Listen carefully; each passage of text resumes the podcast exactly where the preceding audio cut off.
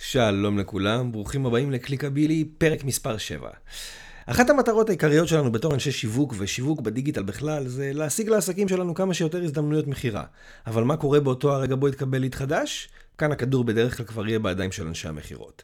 העורך שלי היום הוא לוטן סגל, מבכירי מאמני המכירות בארץ. כזה שקודם כל מכר בעצמו והרגיש על בשרו מה זה להיות איש מכירות, ורק אחר כך הפך להיות מאמן.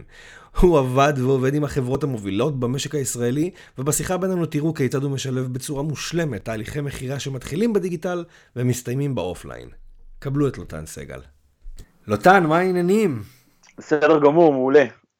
יופי, אני קודם כל שמח uh, שאתה כאן. Uh, אני אספר ככה בקצרה ל- ל- לשניים וחצי אנשים שמאזינים לנו.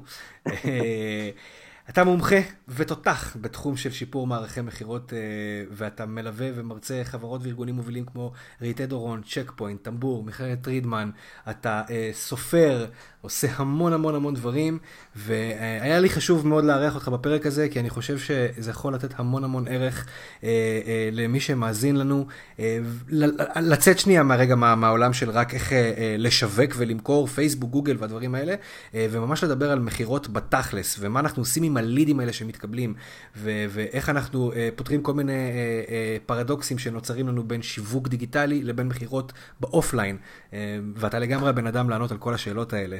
אז uh, הבמה שלך. בכיף. Uh, אתה, אתה מדבר כאן על לידים, אתה מזכיר לידים, אתה יודע, זה נורא מצחיק, כי זו סוגיה שאני מתמודד איתה שנים בחברות, שאם אתה מסתכל על המשק, על חברות, uh, אתה יודע, בינוניות, גדולות, אפילו עסקים קטנים, בסופו של דבר בכל קמפיין, נגיד הגיעו 100 לידים, ממה שאתה מכיר במספרים, מה סוגרים בסוף מתוך המאה האלה? כמה אחוזים? 5 אחוז. נכון, בין שלושה לחמישה אחוז, ברור שזה משתנה וכולי וזה, אבל זה בגדול הממוצעים בכל מקום. וזה קטע מטורף, הרבה פעמים אני יושב, אתה יודע, עם, מנכ"לים או סמנכ"לים, אני אומר, תגידו, זה לא נשמע לכם הזוי, שמתוך איקס לידים אנחנו סוגרים שלושה אחוז? עכשיו, זה לא שירדת לרחוב למטה עם פליירים, למכור מדחסי אוויר של מפעלים במיליון וחצי שקל, ואתה אומר בואנה איזה יום נוראי, אף אחד ברחוב לא רוצה מדחס אוויר. אתה עושה את זה בקמפיינים, אתה עושה את זה בדיגיטל, ובסוף זה המספרים שמגיעים. עכשיו תבוא תגיד לי בסדר, אז המותג הזה הוא לא להיט, 97% שלא קנו פה הולכים למקום אחר. סבבה, אבל אז הממוצע היה עולה למעלה, זה אומר שאתה לא טוב והמתחרים טובים. אם כל השוק סוגר בין 3 ל-5 זה אומר שיש כאן איזשהו משהו מאוד מאוד מוזר במשחק הזה במרכאות. אה, זהו, זה, זה משהו שאני מתעסק בו הרבה, לנסות להרים את האחוזים האלה למעלה. אז זהו, אז בוא באמת אה, תרחיב קצת ו- ותספר לנו אה, אה, מה אתה עושה, חוץ ממה שאני סיפרתי כמובן. כן, אז אני עושה מגוון מאוד רחב של דברים, אני קודם כל בתחום המכירות כמעט שני עשורים, Uh, התחלתי את הקריירה שלי מיד אחרי שהשתחררתי מהצבא, עוד היה לי טנגואים קצרים לפני הצבא, אבל בגדול אחרי הצבא, ואז עבדתי בחברת ביטוח ישירה, עונה לשם שאתה יודע, לטלפון 9,000 פעם ביום, uh, חברת ככה וככה שלום מדבר לוטן, uh, ושם בעצם אחרי שאתה חוטף 9,000 ניתוקים ביום וטריקות דלתות, אז אתה מהר מאוד מתחסן.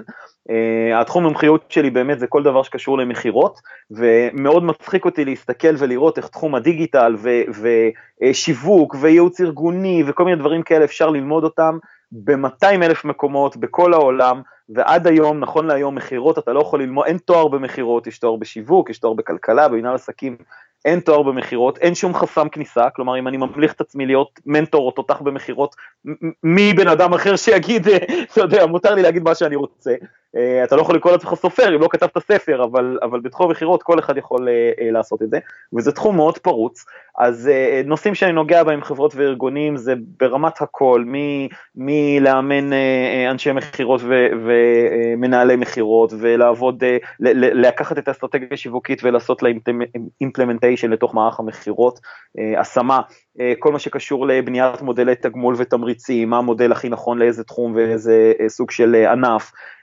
כמובן כל מה שקשור לבניית תורות מכירה, תסריטי מכירה וכולי. אחד הדברים שאני הכי מתעסק בהם זה כל מה שקשור לתוכן.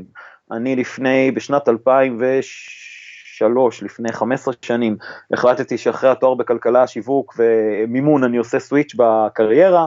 הלכתי, למדתי אצל תרצה גרנות, זיכרונה לברכה, אוטוריטת ה copywriting בישראל, אה, משם המשכתי ללמוד אה, אה, כתיבה מקצועית בסם שפיגל בירושלים כמה שנים טובות, טסתי לחו"ל, אם אתה מכיר קצת את תחום ה-NLP, אני מניח ששמעת עליו, נכון?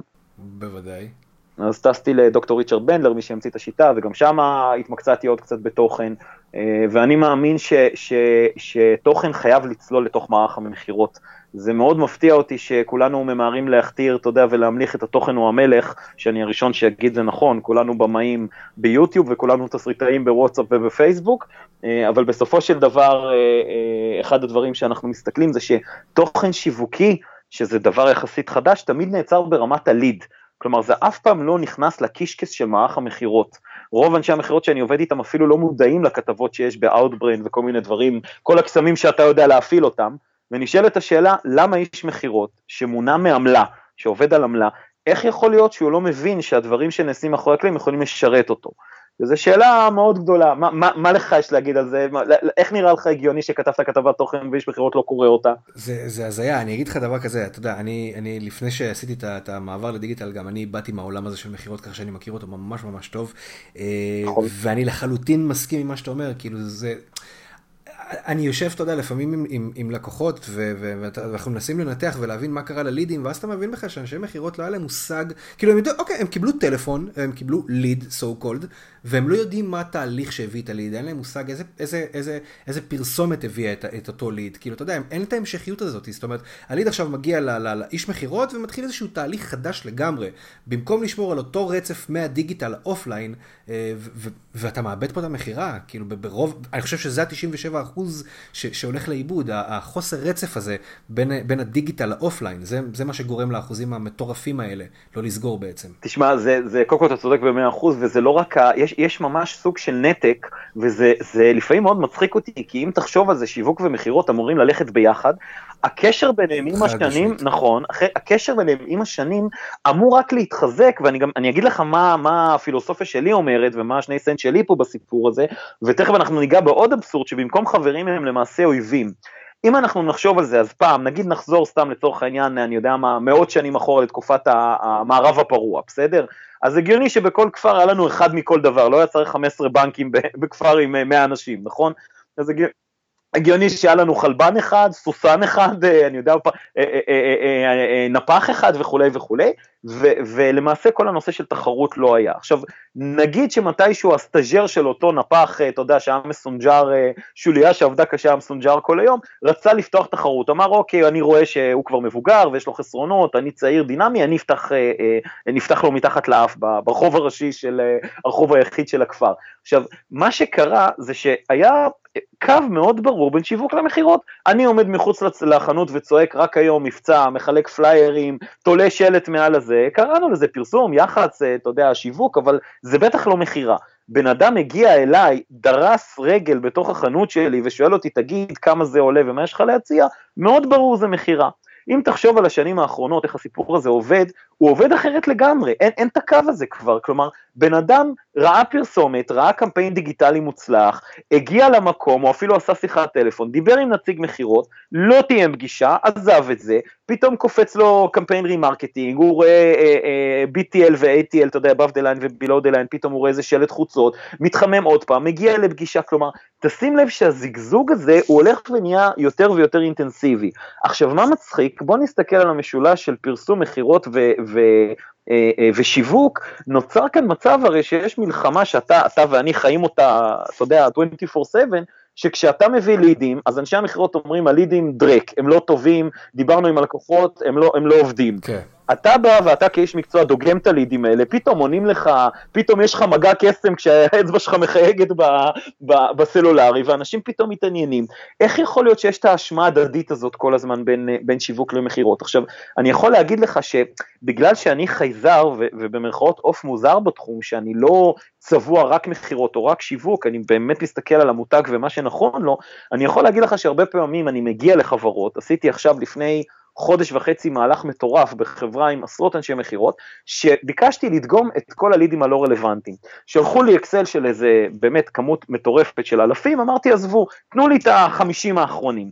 ישבתי ליד המשרד של המנכ"ל, ומהנייד שלי התחלתי לחייג, צמצמתי אותו ל-22, משהו כזה, התחלתי לחייג אחד-אחד במשך 40 דקות, כי היה לי חשוב להוכיח איזושהי פואנטה חשובה שם, זה גם היה פרויקט גדול עם סקססי וכולי, כמה לדעתך מתוך 22 איש, סחבק, אני שהוצאתי טלפונים, תפסתי ב, ב, בטלפון, הכל בשיחות מוקלטות כמובן. אני, אני מניח שאחוז גבוה, והסיבה שאני אומר את זה, זה כי, כי עשיתי משהו דומה, וזה כל כך עצבן אותי, שאני מצליח להביא את האנשים האלה לפגישה, ו, ואותם אנשי מכירות לא, זה כאילו ממש מתסכל.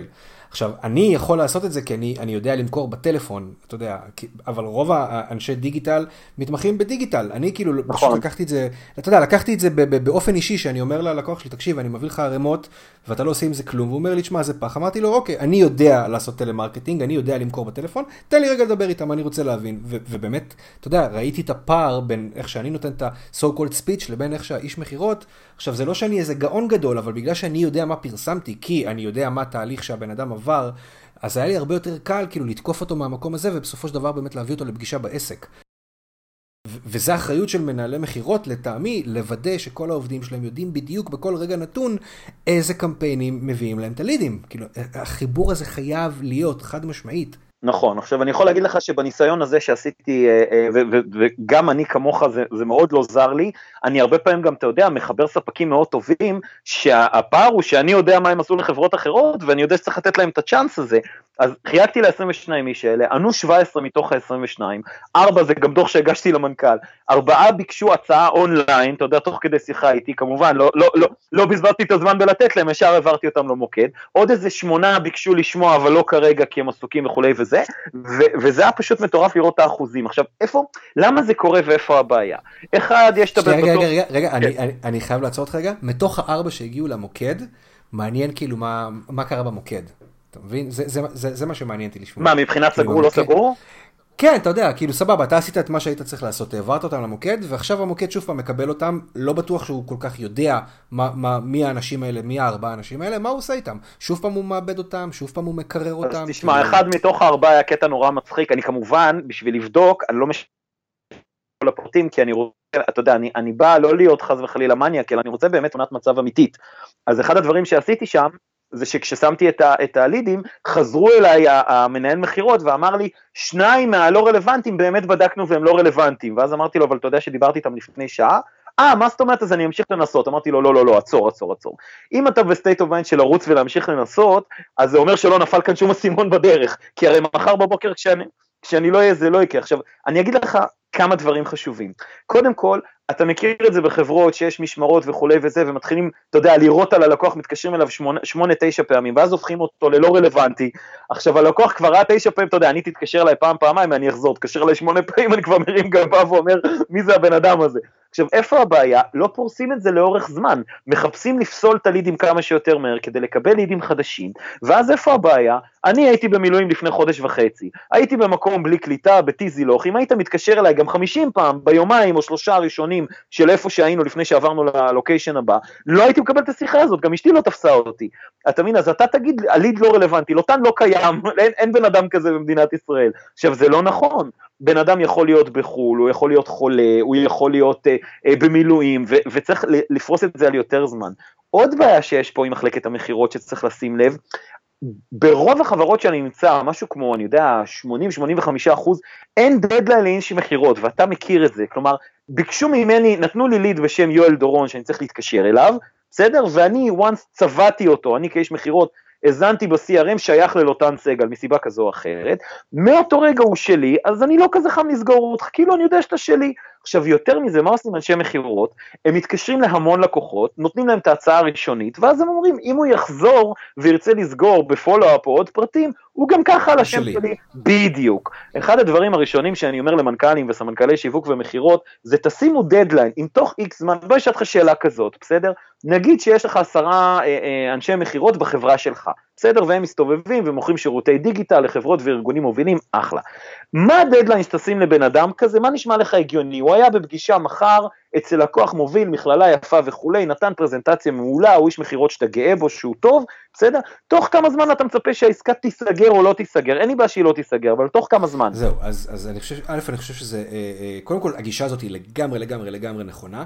אני כן חושב שזה צריך להיות כאילו מותאם עסק, אתה יודע, כי יש, יש עסקים שלוקח קצת יותר זמן. ברור, אני יכול להגיד לך מהניסיון שלי, שכשאני אה, ניהלתי מכירות בתחום של כושר ובחברה די גדולה, אפשר להגיד, אז באמת אמרתי לאיש מכירות, יש לך חודש, חודש הוא שלך, אחרי חודש זה הופך להיות חצי חצי מה שנקרא, אם מישהו אחר סגר אתם תתחלקו, ואחרי איקס זמן, חודשיים, אז כאילו אתה מאבד אותו לגמרי.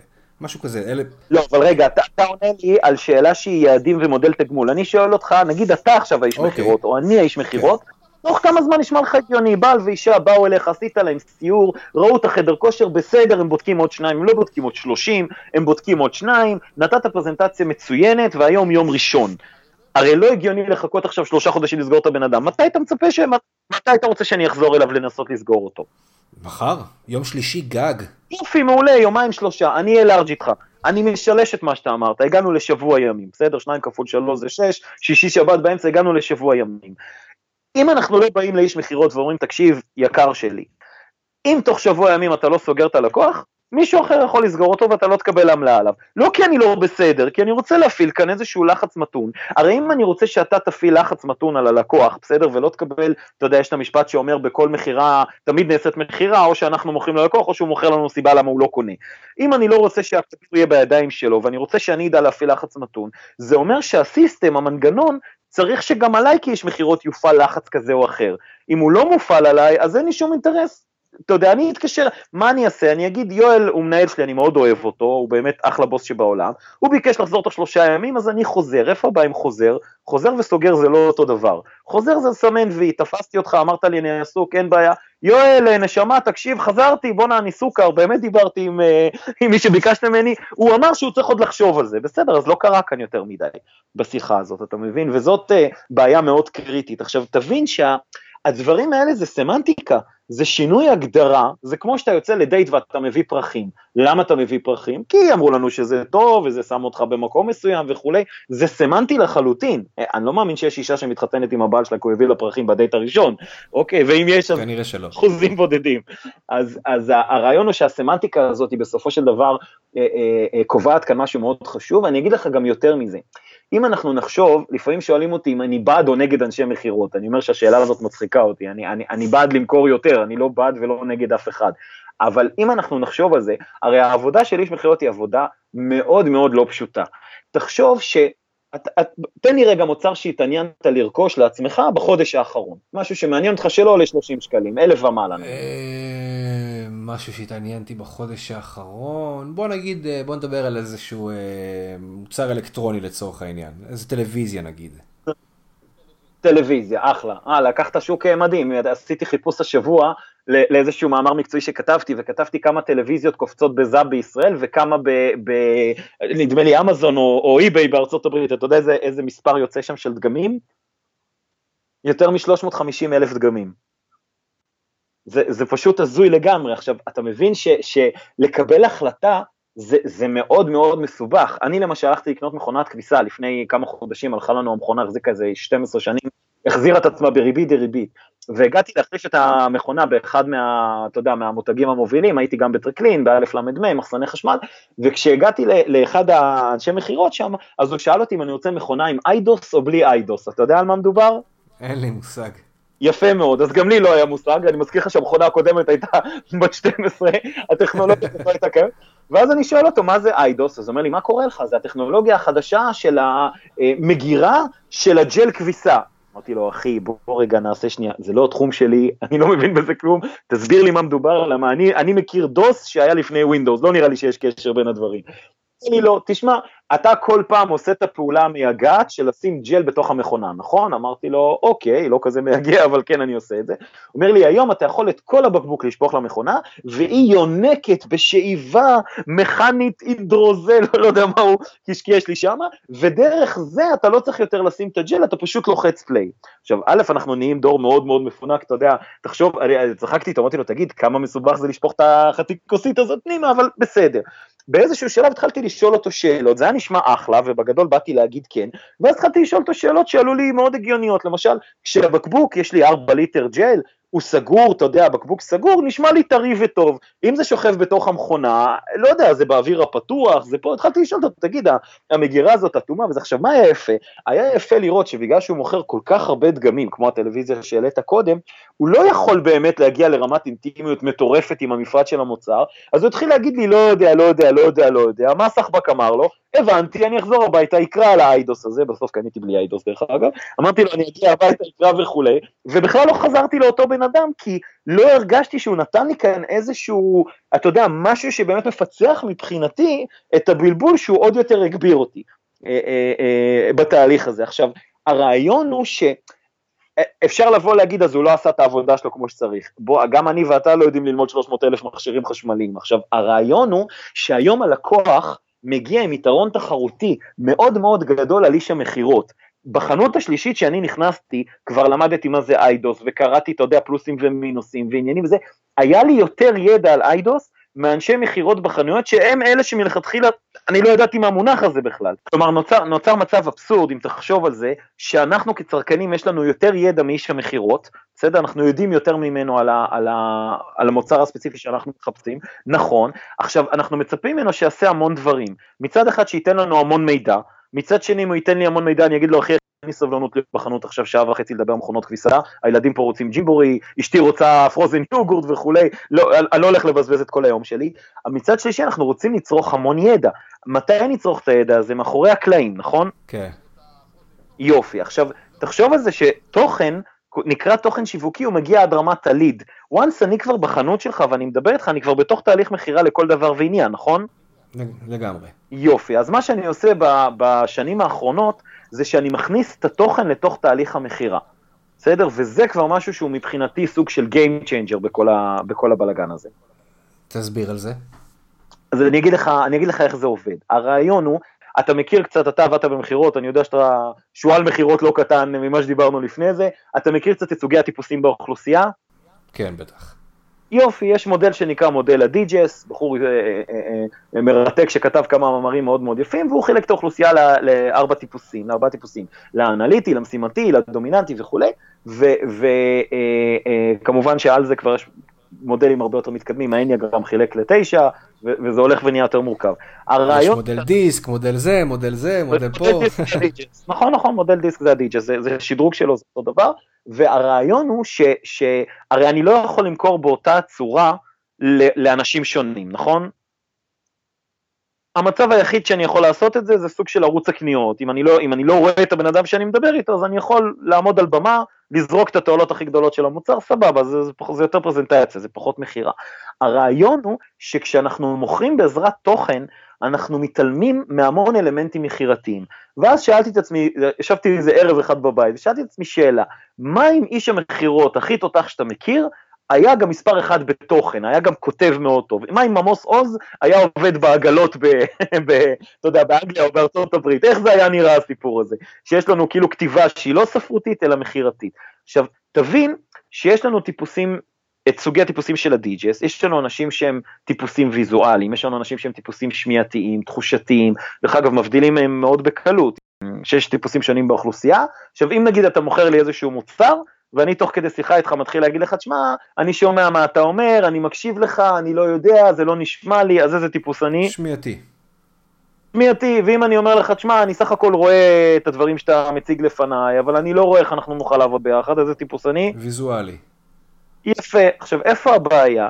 כל הנושא של תוכן שיווקי לא מתייחס לכל מה שקורה בקישקס של מערך המכירות. תחשוב שאם אני בא עכשיו וכותב סוג של תוכן, אז תכתוב תוכן שמדבר לשמיעתי, לוויזואלי, למודל דיסק שהזכרת אותו מקודם ובצדק, כלומר, התוכן חייב להשתדרג כאן לרמה יותר מכירתית. אני כל יום שומע נקי אפל, נקי אפל, אתה יודע, אני בטוח שגם אתה נתקל בזה. עכשיו, יש לי משפט שאני אומר תמיד לספקים, אם אתה לא מעצב באפל, אל תגיד לי נקי אפל. יש כמה אנשים בודדים שאני מוכן שיגידו לי נקי אפל, וזה אנשים שעובדים באפל. כי אנחנו כאילו נורא רוצים להיות נקיים ולא, אתה יודע, ובלי רעשים מסביב. הרעשים האלה אבל, מה זה פייסבוק? כל הזה שאתה מזבזב בפיד זה לא רעש? אתה יושב מול הטלוויזיה, אתה עושה זפינג בטירוף, זה לא רעש? מה, אתה בוחר ערוץ אחד כמו לפני 80 שנה ורואה אותו שלוש שעות? אין סיכוי בעולם. אנחנו דור של פזורי קשב הרי. יפה. אז, אז זה אחד הדברים ש, שיכולים להיות uh, מקפצה מאוד גדולה לעסק, וגם אנחנו יכולים כמובן לחבר את זה לדיגיטל. תחבר לי את זה לדיגיטל. תראה, אני אתן לך דוגמה. נגיד ש, שיש לך חברה לצורך העניין, אתה, אתה מעביר קורסים לגמילה מאישום, בסדר? סתם לצורך העניין. ו, ו, אה, ויש לך מתחרים בשוק והכל טוב ויפה, ואתה חושב שהשיטה שלך היא הכי טובה וזה בסדר גמור, אחרת הייתה לך שיטה אחרת, ונגיד שאתה מדבר עם לקוחות שלך. נוצר כאן מצב אבסורד, שאנשי מכירות שלך בסוף שיחה עם לקוח, לא יודעים לשים את האצבע, למה יואל לא סגר איתי כרגע עסקה. הם ידעו להגיד לי הוא צריך לחשוב על זה, הוא רוצה להתייעץ עם אשתו, יקר לו וכולי, זה התנגדויות, זה לא סיבה אמיתית ללמה יואל לא מתקדם איתי כרגע. אם יואל צריך לחשוב על זה, הוא צריך לחשוב על זה כי מה? מאיזה סיבה הוא צריך לחשוב על זה? צריך לחשוב על זה, זה לא מספיק. עכשיו, הקטע הוא שלהוציא את זה מלקוח בטלפון מאוד קשה, כי אני אומר, אם אני אגיד לך את זה, אז אתה עכשיו תנטרל את זה במרכאות, ואז אתה, אתה יודע, ת, ת, תוציא ממני את הכסף שלי, אני אפתח את הארנק וכולי.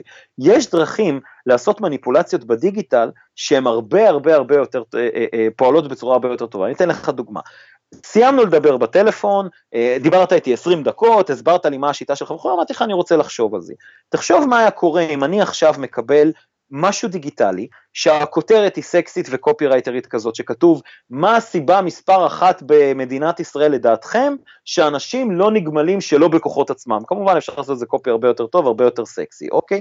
יפה. בן אדם פותח את הדבר הזה, ואז מופיע לו, אחד, אני לא מאמין בשיטה, בואנה, אני מעשן כבר 20 שנה, אתה תבוא תיגע לי שלוש פעמים באוזן ואני אפסיק, לא מאמין בזה.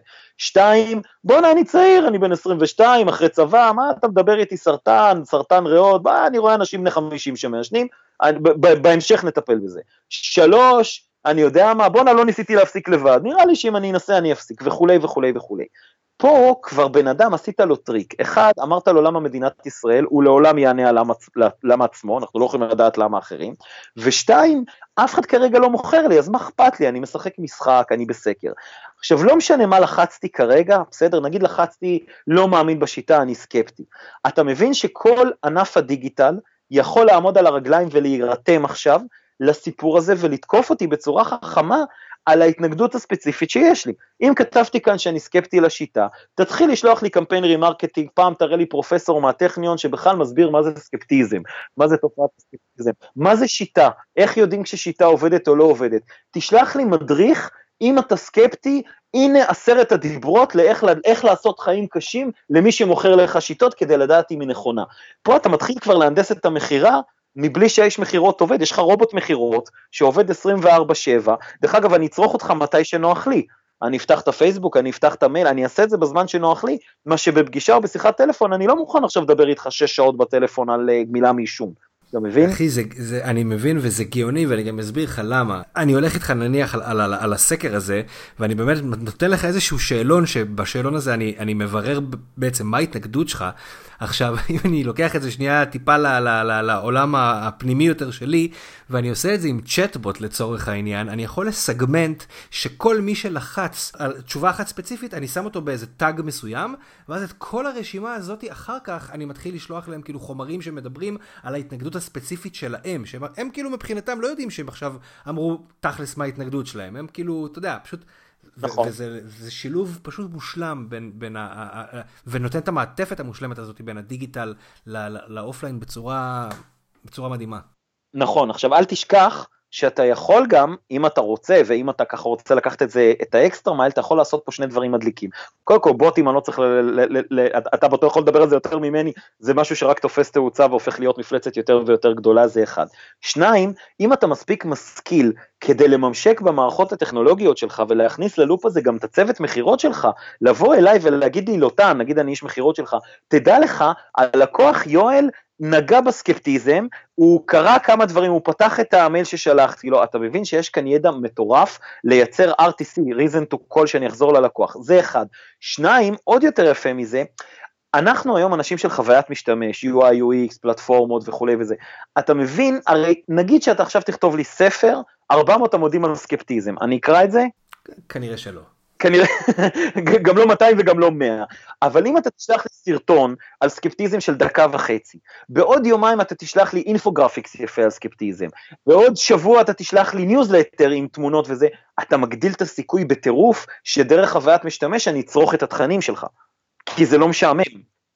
אתה מבין? אז, אז הרעיון הוא שעוד לא הגענו למקום שאיש המכירות, השיווק והדיגיטל מבינים שהם לא אויבים אלא חברים ואם הם יעבדו ביחד יהיה לכולנו יותר טוב. אתה יודע, זה כמו המשפט שאמר why can't we all just get along, אז זה easier said than done. אה, אה, ואז באמת זה יכול להיות Game Changer מאוד רציני למערכי מכירות וזה עובד ואני רואה את זה קורה יום יום שעה שעה וצריך להפיץ את הבשורה ולעשות את זה בכמה שיותר מקומות. לחלוטין. בוא נדבר על איזשהו מחקר, אתה יודע, נגענו בדברים שהמחקר הזה אומר, אבל בואו נתמקד רגע באיזשהו מחקר שאתה סיפרת לי עליו, שלקחו 150 אלף לידים וגילו שההתנגדות היא בין 6 ל-8 פעמים. נכון, אז, זה, נכון, אז יש מחקר של הרווארד, קודם כל יש המון מחקרים, לצערי הרב בתחום המכירות קצת פחות, כאילו הרבה יותר קל למצוא מחקרים בשיווק וזה קצת חבל, אה, או, או דרך אגב הרבה מחקרים בצרכנות אבל לא קוראים להם מכירות וזה נורא מצחיק אותי כי, כי צרכן קונה מאיפשהו, אבל היה מחקר מאוד גדול שעשו בהרווארד על כמות מאוד גדולה של לידים ובדקו שם הרבה מאוד דברים אה, מאוד יפים. אחד הדברים שגילו זה שלקוח מתנגד ב-DNA שלו בין 6 ל-8 פעמים לפני שהוא מקבל החלטת קנייה, דרך אגב החלטת קנייה יכול להיות גם אני לא רוצה לקנות, כלומר אנחנו מדברים על קבלת החלטה, בסדר? אני יכול כן. להחליט, אני לא, הבנתי, יקר לי, שנה, סבבה, החלטה לכל דבר ועניין. יש כאן שתי בעיות. בעיה מספר אחת, מחקרים האלה נערכו לפני כניסת הדיגיטל. היום בעידן הדיגיטלי אתה יכול לתאר לעצמך שיש יותר מוצרים, יותר קשיים, יותר פה, כלומר לדעתי זה כבר לא 6 ל-8, זה כבר 12 ל-15, אבל נגיד אפילו נזרום עם, ה, עם המחקרים הישנים. אותו מחקרים הוכיחו, אותם מחקרים הוכיחו גם שאיש המכירות פורש, אתה יודע באיזה לא, מתוך הסיטואציה? בשלישי ובחוץ. ואחד הדברים שעשיתי בספר שלי, אנחנו נדבר על זה גם אחרי זה, אחד הדברים שעשיתי, זה כתבתי תסריט מכירות מציאותי, שבו לקחתי אנשי מכירות ונתתי להם למכור מוצר, לשמוע לא שמונה פעמים ולהמשיך לדבר, תקשיב, הם רצו לדפוק את הראש בקיר. כלומר, זה פסיכוטי, תחשוב שאני מתקשר אליך, עכשיו בוא נעשה סימולציה קצרה, התעניינת, אמרת בטלוויזיה. אה, היי יואל, מה שלומך? מדבר לוטן מחברת ככה וככה, היית אצלי בחנות לפני שבוע, רציתי לדעת אם נפלה החלטה בינתיים. לא, לא, עדיין חושב על זה. מעולה, יופי, נדבר איתך מחר. היי יואל, מה נשמע? מדבר לאותה, זוכר? דיברנו אתמול, אה, תגיד, יש משהו חדש? דיברת עם האישה? לא, לא, וגם אין לי זמן עכשיו לדבר על זה. מצוין. היי יואל, מה נשמע? זוכר פעמיים ניתקת לי את הטלפון בפרצוף, אני כבר מת למכור לך טלוויזיה. אתה, אתה, אתה מבין מה זה לעשות את הדבר הזה 15 פעמים רצוף? תמצא לי את האיש מכירות שעושה את זה, אני מגייס אותו, קודם כל בטוח יש לו נכות רגשית כזו או אחרת, אני מגייס אותו מחר בבוקר. כן. עכשיו, הפער הזה, אפרופו דיברנו בהתחלה על ה-100 לידים ו-3 עד 5 אחוז, אתה מבין שהפער הזה של, של פרישה בשלישי וקבלת החלטה ב-12 או ב-15, היא מאוד בעייתית, מי רוצה לשמוע לא 15 פעמים? זה, זה, זה לרצוח את איש המכירות שלך. איפה האנרגיות שלו, מה יקרה בשיחה הבאה אחרי זה, זה, זה, זה גזר דין מוות. צריך להבין שזה צריך להשתנות. לא יכול להיות שהדיגיטל מתקדם ושיווק מתקדם ומכירות.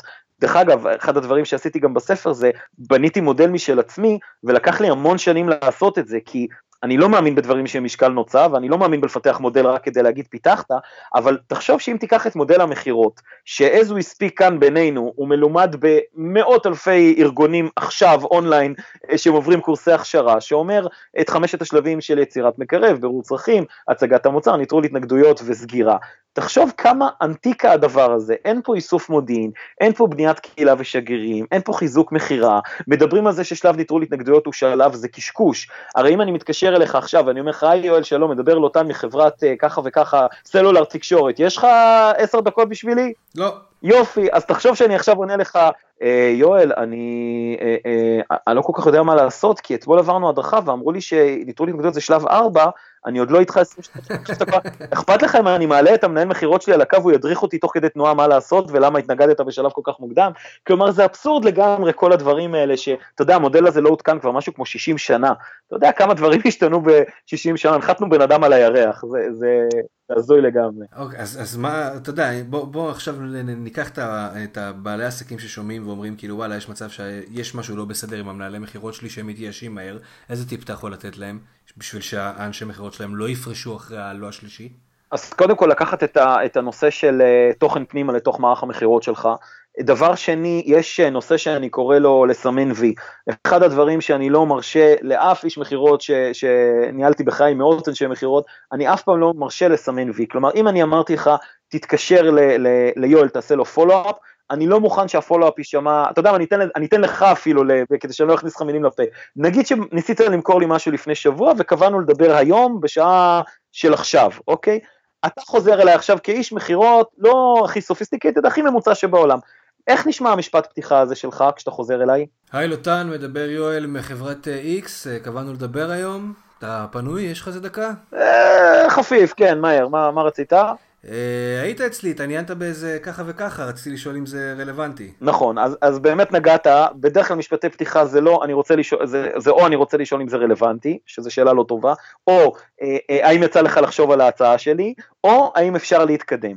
שלושת הדברים האלה זה קילר של מכירות, כי הרי אם הוא היה רוצה להתקדם, והוא הרי לא ישב בבית ארבעה ימים וחשב על ההצעה שלך, כלומר, אני תמיד אומר לאנשי מכירות שלי ולחברות שאני מלווה, אם אין לכם סיבה טובה להתקשר ללקוח, אם אתם לא באמת מבינים מי הוא ומה הוא, אל תתקשרו, זה, זה יגיע אתכם, אתם תהפכו להיות טלפניות שמחייגים 200 פעמים ביום, תנסו שנייה לעצור ולחשוב מי הבן אדם, דרך אגב, איך אני ואתה הכרנו? נכנסתי לפייסבוק אחרי ששמעתי עליך, גללתי קצת, ראיתי מי אתה ומה אתה, עשיתי קצת שיעורי בית, אספתי מודיעין, דיברתי עם כמה קולגות שאתה ראיינת אותם לפודקאסט, שמעתי הבן אדם שד, תותח מעולה, עובד כמו שצריך וכולי, ועשיתי שיעורי בית, וגם אתה עשית עליי שיעורי בית, אני בטוח שאם הייתי אומר לך, לגמרי, בדיוק, הייתי אומר לך, תקשיב, אני מתחום המכירות, היית אומר, בסדר, אתה ועוד שלושת אלפים כמוך, זה לא כזה מרגש. אתה מבין, אבל תחשוב שאנשי מכירות לא עושים את זה. לא עושים את זה, ו- ודרך אגב בסדנאות שאני מעביר, יש שתי סדנאות מאוד חזקות שאני עושה בין היתר, בעיקר כי, כי פחות עושים אותם בשוק, אז בלית ברירה אני מעביר אותם, הן מאוד עוצמתיות, סדנה אחת זה סדנת איסוף מודיעין, אני מראה לאנשים, אני מגיע לסדנה, הרי מה תמיד אומרים, למי יש זמן להיכנס לפייסבוק וכולי, אני מראה לאנשים איך ב-45 שניות אני מבקש ממישהו בקהל לפתוח שעון, אני מבקש מישהו בקהל שייתן לי את השם שלו בפרופיל הפייסבוק, כמובן כמו קוסם, בן אדם שלא פגשתי לפני זה אף פעם, בהנחה שיש לו פרופיל פייסבוק כמובן, ואז אני לוקח 45 שניות, רץ צ'יק צ'אק בפרופיל, מגלה הרבה מאוד דברים, מי החברים המשותפים שלנו, האם הוא עושה כושר וזה אז הוא מצלם את עצמו במרתונים וכאלה, למי הוא עשה לייקים, אם הוא עשה ליקבים וכאלה, אני מבין שהבן אדם שותה אלכוהול, מה אני אעשה אחרי זה? אני גדלתי עד גיל 16 בדרום אפריקה, אני רואה שהוא אוהב אלכוהול, מהר מאוד אני אביא את הפן הזה שדרום אפריקאים שותים וזה, אתה בתור לקוח, תחשוב שזה צירוף מקרים, אבל זה לא צירוף מקרים. אתה מבין? ולפעמים אומרים לי, מה, אז אנחנו האח הגדול? נו, מה אתה רוצה ממני? קודם כל, האח הגדול סדרה מאוד מצליחה בטלוויזיה, לא אני המצאתי אותה, לצערי הרב. כלומר, ברור שאנחנו האח הגדול. וב' העולם מתקדם, צריך להתקדם איתו ביחד. לפני שאתה מרים את השפורפרת, תעשה שנייה של שיעורי בית.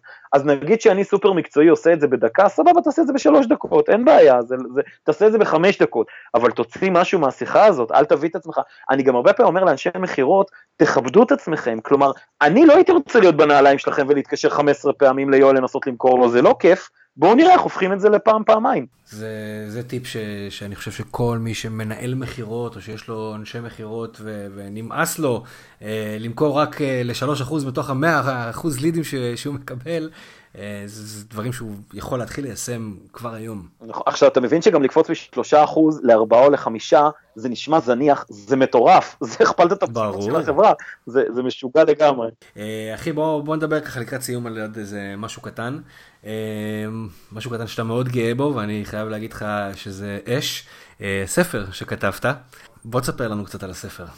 Uh, כתבתי ספר שנקרא למכור כאילו יש מחר, uh, בהוצאת מטר, uh, היה חשוב לי מאוד ללכת להוצאה מספר אחת בישראל לספרים, לספרי עיון וספרים מקצועיים, לשמחתי המאוד גדולה הם גם לא כתבו עד היום ספר של סופר מתחום המכירות שהוא ישראלי, הם רק תרגמו מחו"ל, ככה שיצא שגם הייתי הראשון, אתה יודע, בארץ שעשה את זה, אז מי כמוך שמתעסק עם קריאיטיב ודיגיטל מבין שכשאתה הראשון שעושה משהו זה כבר טוב. ותשמע, אני שמתי לב שבוא נגיד, אנחנו עם הספר, כולנו רוצים, כול, לכולנו יש סיפור לספר וכולנו רוצים לכתוב ספר. הבעיה היא באמת בהתמדה, בלשבת יום יום ולכתוב, ואז אני תמיד מסתכל ואני רואה שיש שני סוגים של ספרים.